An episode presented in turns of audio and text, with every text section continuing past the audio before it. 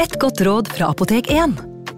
Nå er snart pollensesongen i gang, og et godt råd til deg som sliter med pollenallergi, er å begynne behandlingen i god tid før allergisesongen starter. Da får du nemlig enda bedre effekt av legemidlene, og så blir ikke våren din helt ødelagt. Kom innom og få råd på ditt nærmeste Apotek 1, eller chat med oss på apotek1.no. Apotek 1 vår kunnskap, din trygghet.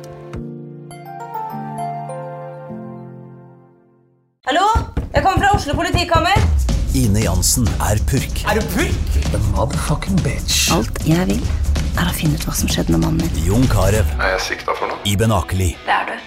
Ole So, Lars Berrum og Big Daddy Karsten. Hvem sin side er du på, egentlig? Anette Hoff, Tone Danielsen, Kommer du fra Afrika? Jørnis Josef, Nesten kløfta. Trond Espen Seim, Det er synd å si det, men det var feil mann som døde. Purk. Premiere tirsdag på TV2 Play. Ungsamtalen fra DNB er økonomisk veiledning tilpasset deg som er ung. Bokk en ungsamtale på dnb.no. slash ung. Det er kjempebra hvis du skal inn på boligmarkedet, hvis det er drømmen din, liksom. Det er det du skulle sagt. Og så kunne du ropt litt mer, da, sånn som jeg gjorde. Bam! Advarsel. Denne podkasten inneholder skildringer av ekte drap og kriminalsaker som kan være støtende for enkelte. Det advares også mot sterke inntrykk i deler av episoden. Jeg har forsøkt å ta mitt eget liv. Jeg blør fra nakken og trenger hjelp. Dere må komme så fort som mulig.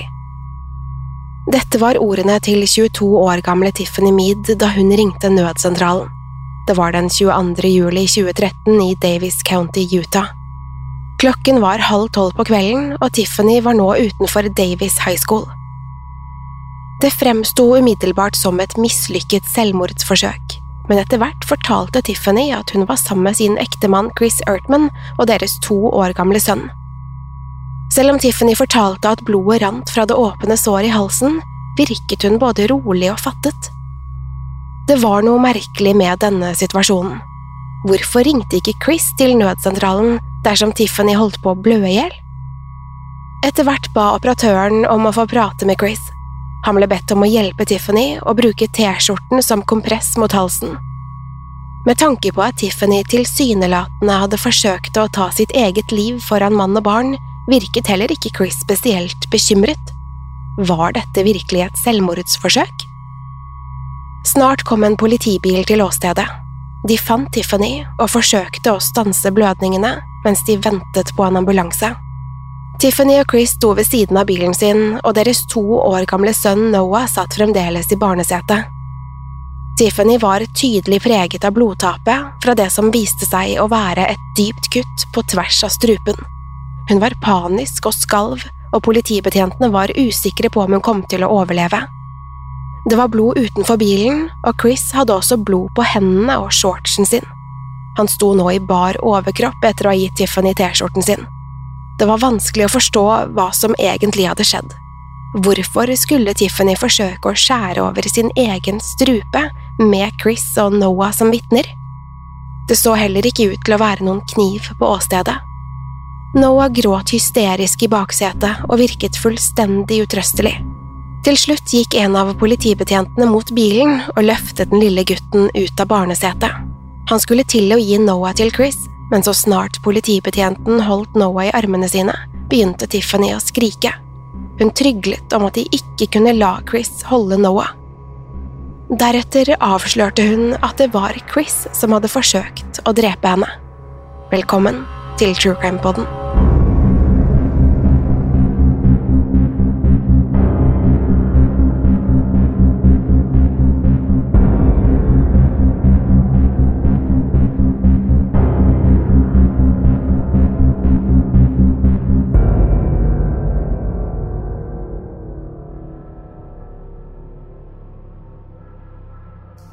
Så snart ambulansen ankom åstedet, ble Tiffany hastet av gårde til legevakten.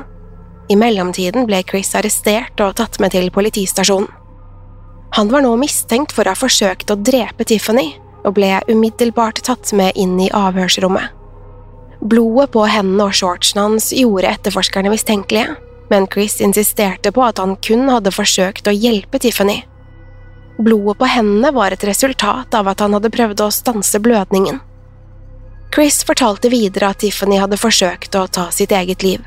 Han mente at hun sannsynligvis hadde lykkes med det dersom han ikke hadde reddet henne. Chris fortalte at Tiffany lenge hadde slitt med alvorlige depresjoner og selvmordstanker, og at hun fremdeles gikk på antidepressiva. Tiffany og Chris var gift og hadde to sønner, men var nå separert.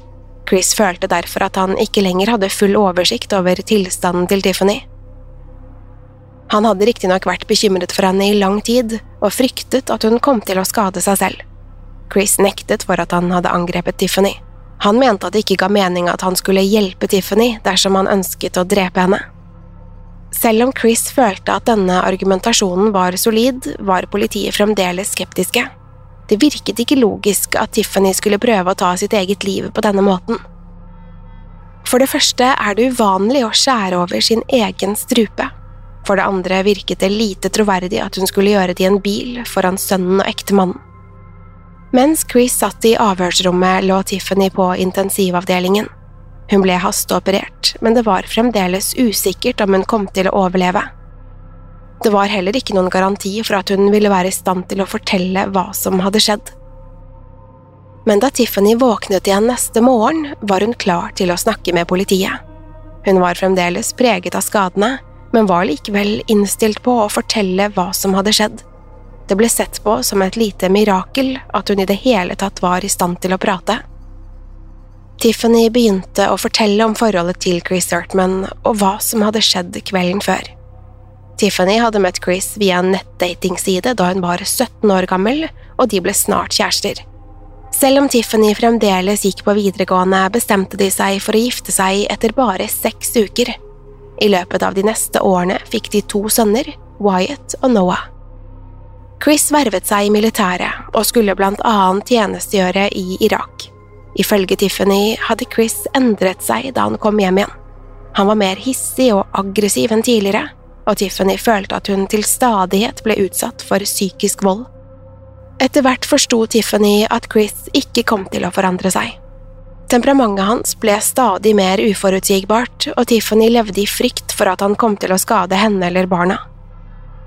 I 2012 hadde Tiffany fått nok og bestemte seg for å forlate Chris. Hun tok med seg barna og flyttet hjem til foreldrene sine. Tiffany søkte om skilsmisse og begynte å drømme om et nytt og bedre liv. Hun fant seg snart en ny kjæreste og begynte å jobbe og studere. Chris derimot var langt ifra tilfreds. Han ønsket å vinne Tiffany tilbake, men hun insisterte på at ekteskapet deres var over. Chris hadde allerede brutt tilliten hennes, og hun tvilte på at han noensinne kom til å forandre seg. Tiffany fortsatte å ignorere Chris og hadde ingen planer om å treffe ham igjen. Chris innså derfor at han måtte endre strategi. Den 22. juli ringte Chris til Tiffany og insisterte på at de måtte treffes. Han ga nå uttrykk for at han ikke lenger ville betale barnebidrag dersom Tiffany nektet å møte ham. Tiffany var usikker på hva hun skulle gjøre, men hun gikk til slutt med på å treffe Chris. Han ba henne om å komme alene, så de kunne prate på tomannshånd. Tiffany var likevel nødt til å ta med seg to år gamle Noah. Chris foreslo at de skulle møtes i en avsidesliggende park, og Tiffany gikk med på dette. Selv om hun ikke lenger stolte på Chris, trodde hun ikke at han kom til å skade henne, i hvert fall ikke foran sønnen. Dessuten virket det som at Chris først og fremst ønsket å vinne henne tilbake. Så snart Tiffany gikk ut av bilen, begynte Chris å bevege seg rett mot henne. Hun visste ikke hva som foregikk, men nå fikk Tiffany følelsen av at Chris pønsket på noe.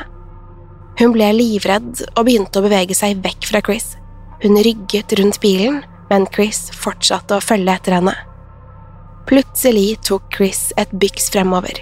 Han grep tak i Tiffany og klemte henne mot kroppen sin.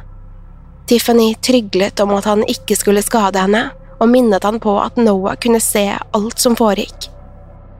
Chris presset venstrehånden mot munnen hennes før han fisket ut en kniv fra sin høyre lomme. I en rask bevegelse svingte Chris kniven foran Tiffany sitt hode og skar over strupen hennes. Blodet begynte umiddelbart å fosse fra det dype kuttet, men Chris bare hysjet på Tiffany og sa at hun ikke måtte skrike. Tiffany presset hånden sin mot det åpne såret, men Chris dro den vekk. Blodet strømmet nå fra halsen og rant nedover kroppen hennes. Tiffany begynte å bli svimmel, men visste at hun måtte prøve å holde seg ved bevissthet. I neste øyeblikk åpnet Chris bildøren og ba Tiffany sette seg i førersetet. Tiffany var nå desperat etter å komme seg vekk fra Chris. Hun fryktet nemlig ikke bare for sitt eget liv. Tiffany var også bekymret for at Chris kom til å skade lille Noah. Hun visste derfor at hun var nødt til å beholde roen. Chris gikk til slutt med på å hjelpe henne dersom hun lovet å droppe skilsmissen. Han ville nemlig at de skulle bli en lykkelig familie igjen, og lovet igjen at han skulle forandre seg.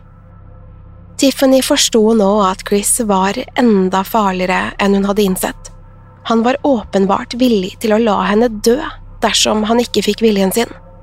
Tiffany skjønte derfor at hun ikke hadde noe annet valg enn å spille med, ellers kom hun til å blø i hjel foran sønnen sin. Tiffany fortalte Chris at hun fremdeles elsket ham, og at hun var villig til å gi ekteskapet en ny sjanse. Chris ga henne et kyss og uttrykte at han var glad for at hun hadde ombestemt seg. Tiffany spurte om hun kunne ringe etter en ambulanse, men Chris sa at hun måtte vente litt til. Han måtte nemlig kvitte seg med kniven først. Da dette var gjort, satt Chris seg i passasjersetet. Selv om Tiffany allerede hadde mistet mye blod, ville Chris at hun skulle kjøre. Tiffany visste at hun var nødt til å fokusere på veien, og gjorde alt hun kunne for å holde seg våken. Med én hånd på rattet og én presset mot halsen kjørte hun gjennom byen. Dersom hun mistet bevisstheten, kunne det koste henne og Noah livet.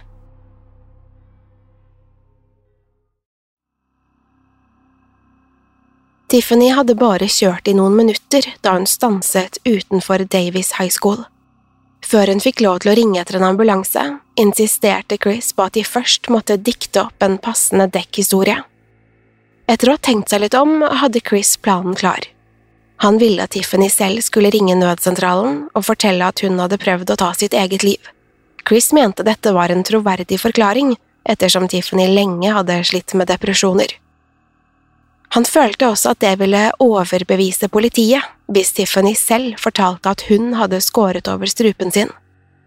Selv da politiet ankom åstedet, ville ikke Tiffany ta noen unødige sjanser. Hun spilte derfor med og gjentok historien om at hun hadde forsøkt å ta sitt eget liv. Det var først da en av politibetjentene holdt Noah at hun valgte å avsløre hva som egentlig hadde skjedd.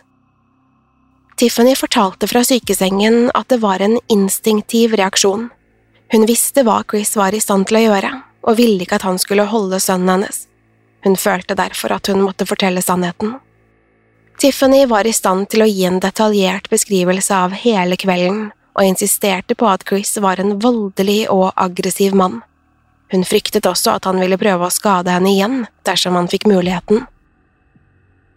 I motsetning til Tiffany klarte ikke Chris å gi en sammenhengende forklaring på hva som egentlig hadde skjedd.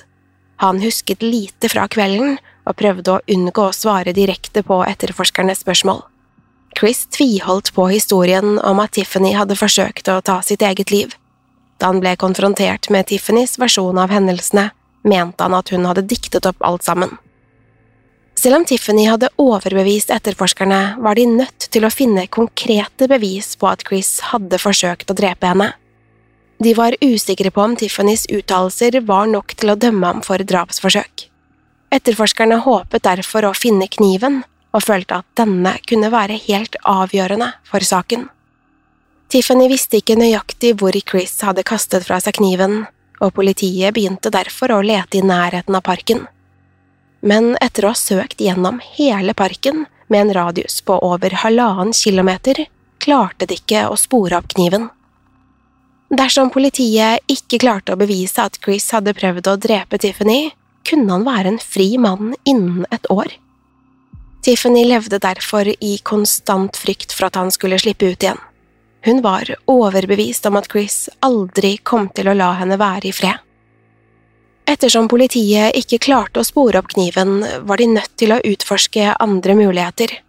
Chris hadde åpenbart ingen planer om å tilstå, og etterforskerne bestemte seg for å overvåke ham i fengselet. I håp om at Chris skulle avsløre noe, begynte de å lytte til alle telefonsamtalene hans. Chris var riktignok forsiktig, og han fikk også flere påminnelser fra sin egen far om at telefonsamtalene fra fengselet ble tatt opp. Han forsto derfor viktigheten av å ikke si for mye. Chris nevnte derfor aldri noe om drapsforsøket. Månedene gikk uten at politiet overhørte noe de kunne bruke mot Chris. Rettssaken nærmet seg, uten at etterforskerne følte de hadde noen fellende bevis. Tiffany var forberedt på å vitne mot ham, men det ville uansett være ord mot ord i rettssalen. Uten våpen eller tilståelse var det vel så sannsynlig at han ble frikjent som dømt. Selv om de ikke hadde gitt noen resultater, fortsatte etterforskerne å avlytte telefonsamtalene. Etter seks måneder følte de omsider at det kom et lite gjennombrudd. Chris sa ikke noe eksplisitt, men han ga nå uttrykk for at han var interessert i å komme i kontakt med en tidligere innsatt i fengselet. Etterforskerne prøvde med en gang å finne ut hvem dette var. Snart klarte politiet å identifisere mannen som Chris hadde forsøkt å komme i kontakt med. Hans navn var Raymond, og han hadde tidligere sonet i samme fengsel som Chris. Raymond bekreftet at Chris og han ble kjent i fengselet, men han virket ikke interessert i å tyste. Sakte, men sikkert begynte likevel Raymond å avsløre flere detaljer, og til slutt fortalte han at Chris hadde innrømmet at det var han som skar over strupen til Tiffany. Selv om Raymond kunne bekrefte etterforskernes mistanker, følte de at han ikke var et troverdig vitne.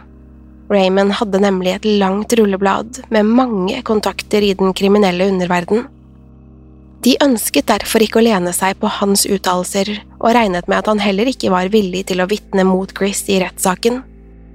Etterforskerne forsto likevel at de nå var på rett spor.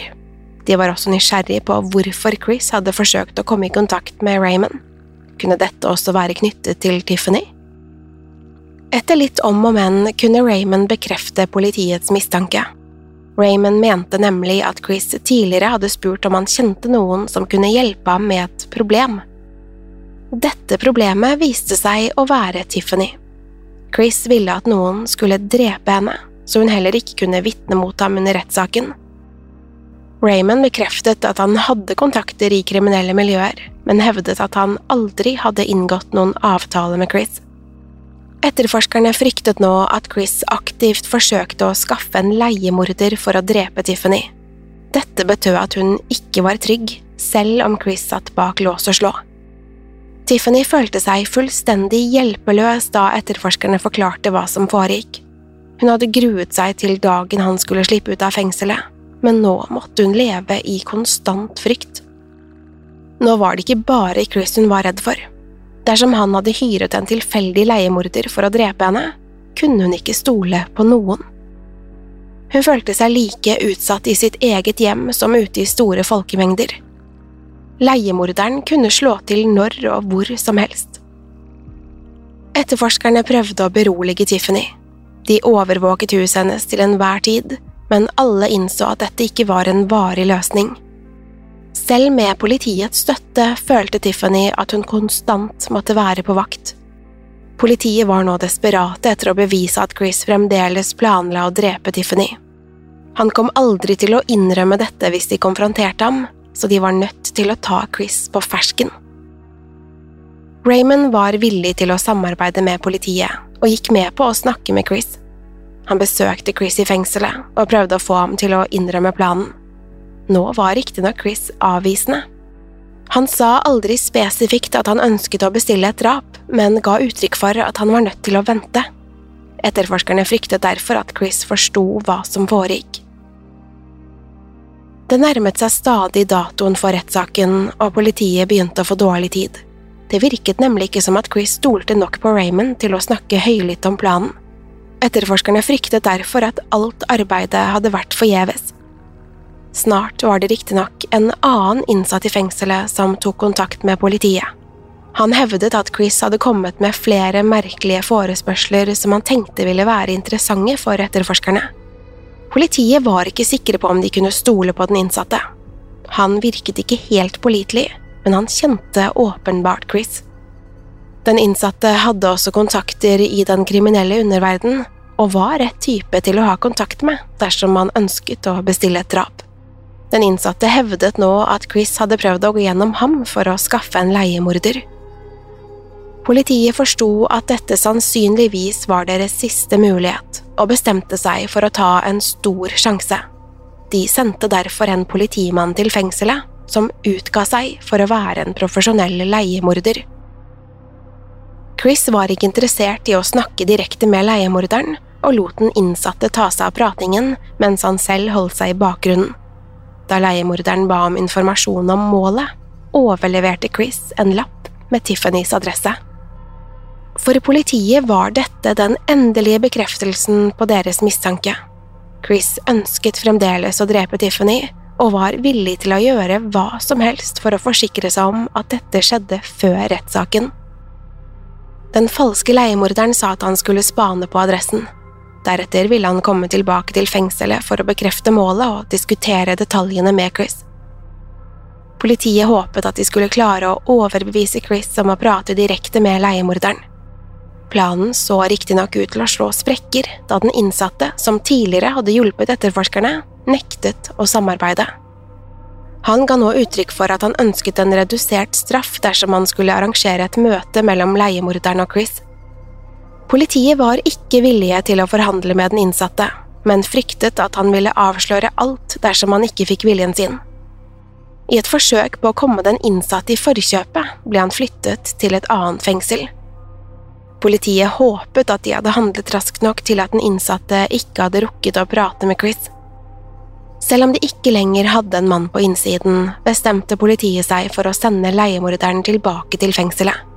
De håpet nå at Chris var så desperat at han var villig til å snakke med ham. Dette viste seg å stemme. Da den falske leiemorderen kom tilbake til fengselet, satt Chris seg ned med ham for å diskutere detaljene. Leiemorderen hadde tatt med seg bilder av Tiffany og huset hennes, og viste disse til Chris. Han ville forsikre seg om at han hadde identifisert korrekt mål. Chris bekreftet nå at han ønsket at leiemorderen skulle drepe Tiffany. Chris hadde ingen betenkeligheter, og svarte bare jo før, jo bedre på spørsmål om når han ville at drapet skulle utføres. De ble enige om en sum på 5000 dollar, og Chris avsluttet samtalen med å si have fun. Politiet var nå sikre på at de hadde nok bevis mot Chris til å forsikre seg om at han ikke ville slippe ut av fengselet på lang tid. De hadde tatt ham på fersken da han prøvde å bestille en leiemorder. Chris sto derfor tiltalt for dette, i tillegg til drapsforsøket på Tiffany. Da Chris forsto at leiemorderen han hadde snakket med var en politimann, innså han at løpet var kjørt.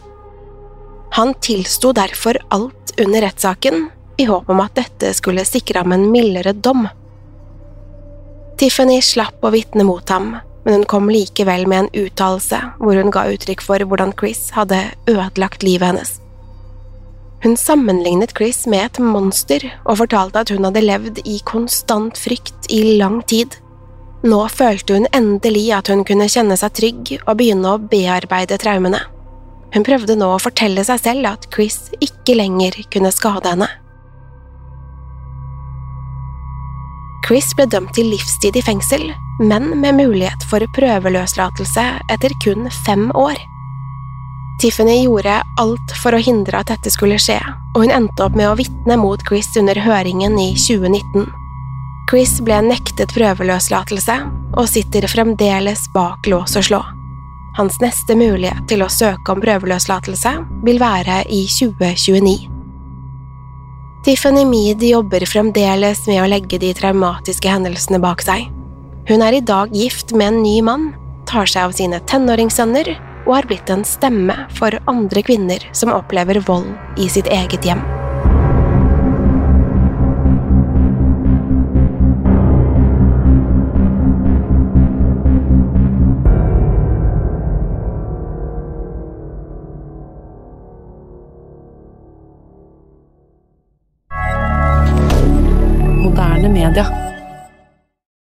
Har du et enkeltpersonforetak eller en liten bedrift? Da er du sikkert lei av å høre meg snakke om hvor enkelt det er med kvitteringer og bilag i fiken, så vi eh, gir oss her, vi. Fordi vi liker enkelt. Fiken superenkelt regnskap. Hei! Takk for at du lytter til True Crime Podden. Skulle du ønske at du kunne høre en ny episode av denne podkasten hver eneste uke? Vel, da er det bare å laste ned podkastappen Untold med en gang. I tillegg til ukentlige episoder av podkaster som Skrekkpodden, Synderne og Henrettelsespodden, får du masse annet reklamefritt og eksklusivt innhold. Last ned Untold i AppStore eller Google Play, og start din 30 dagers prøveperiode i dag.